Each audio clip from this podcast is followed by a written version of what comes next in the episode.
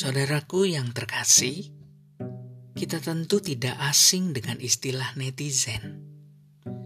Netizen sebagai istilah yang merujuk pada dua hal, net dan citizen. Net merujuk pada dunia internet, dan citizen merujuk pada para pengguna media sosial. Yang menarik dari netizen biasanya mengenai kebiasaannya untuk memposting sesuatu ataupun mengomentari tentang segala hal yang menurut mereka menarik untuk dikomentari. Oleh karena itu, tidak jarang dalam kehidupan sesehari untuk menyebut orang yang suka mengkritik, kita mengatakan mereka netizen. Belum lama ini, sebuah riset ilmiah yang dilakukan Microsoft mengatakan bahwa perilaku netizen Indonesia termasuk yang paling tidak sopan di dunia maya. Bahkan dalam ukuran di Asia Tenggara. Bahkan yang lucunya, merespon riset tersebut, netizen Indonesia justru menyerbu situs dan akun media sosial Microsoft untuk melampiaskan kemarahan mereka.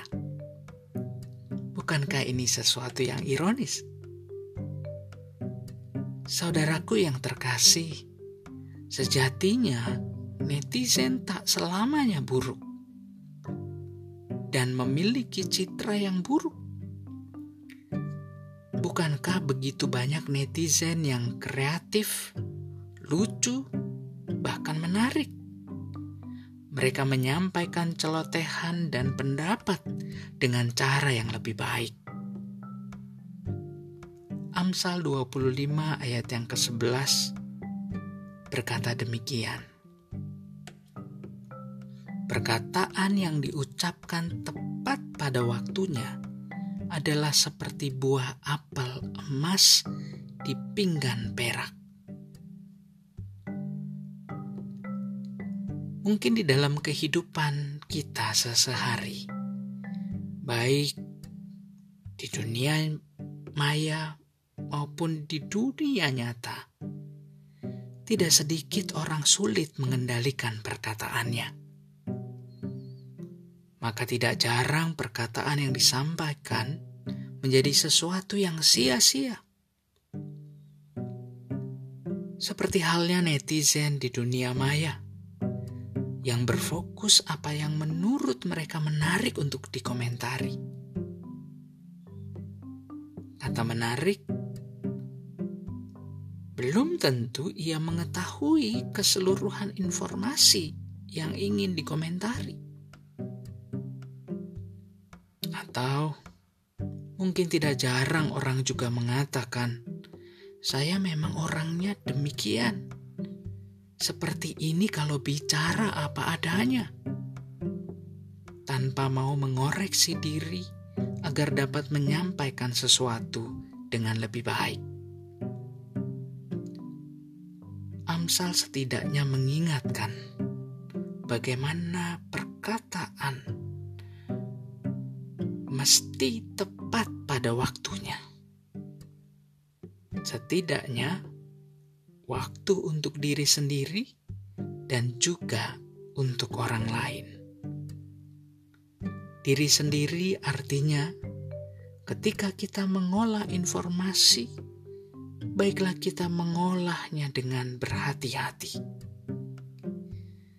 Jangan sampai kita justru terjebak pada asumsi bahkan sebuah prasangka.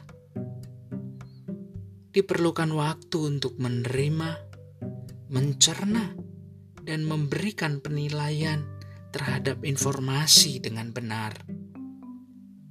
Lalu kemudian kita mengeluarkan lewat kata-kata. Sedangkan dari sisi orang lain, kita perlu mempertimbangkan apakah situasi dan kondisinya baik Bukankah dalam situasi yang tidak baik, lalu dipaksakan, maka perkataan yang akan menjadi sesuatu yang hanya sia-sia. Bahkan tidak jarang memperburuk situasi.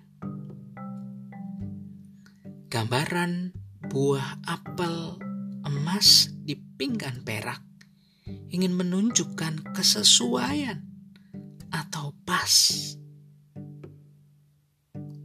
Apel emas dengan pinggan perak. Mari menjadi netizen-netizen yang cerdas dan menyenangkan. Berkata-katalah dengan tepat tanpa menjadi anarki.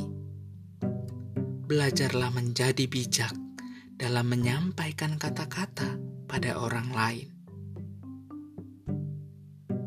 Mari berdoa. Bapa Sang Sumber Hikmat,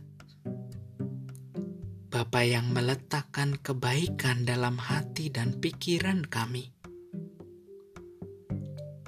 Ajari kami mengenali kelemahan kami. Ajari kami memahami orang lain. Ajari kami untuk bijak dalam berkata-kata Kiranya cinta kasihmu terpancar melalui perkataan kami, agar kami senantiasa menghadirkan kedamaian dalam kehidupan. Amin.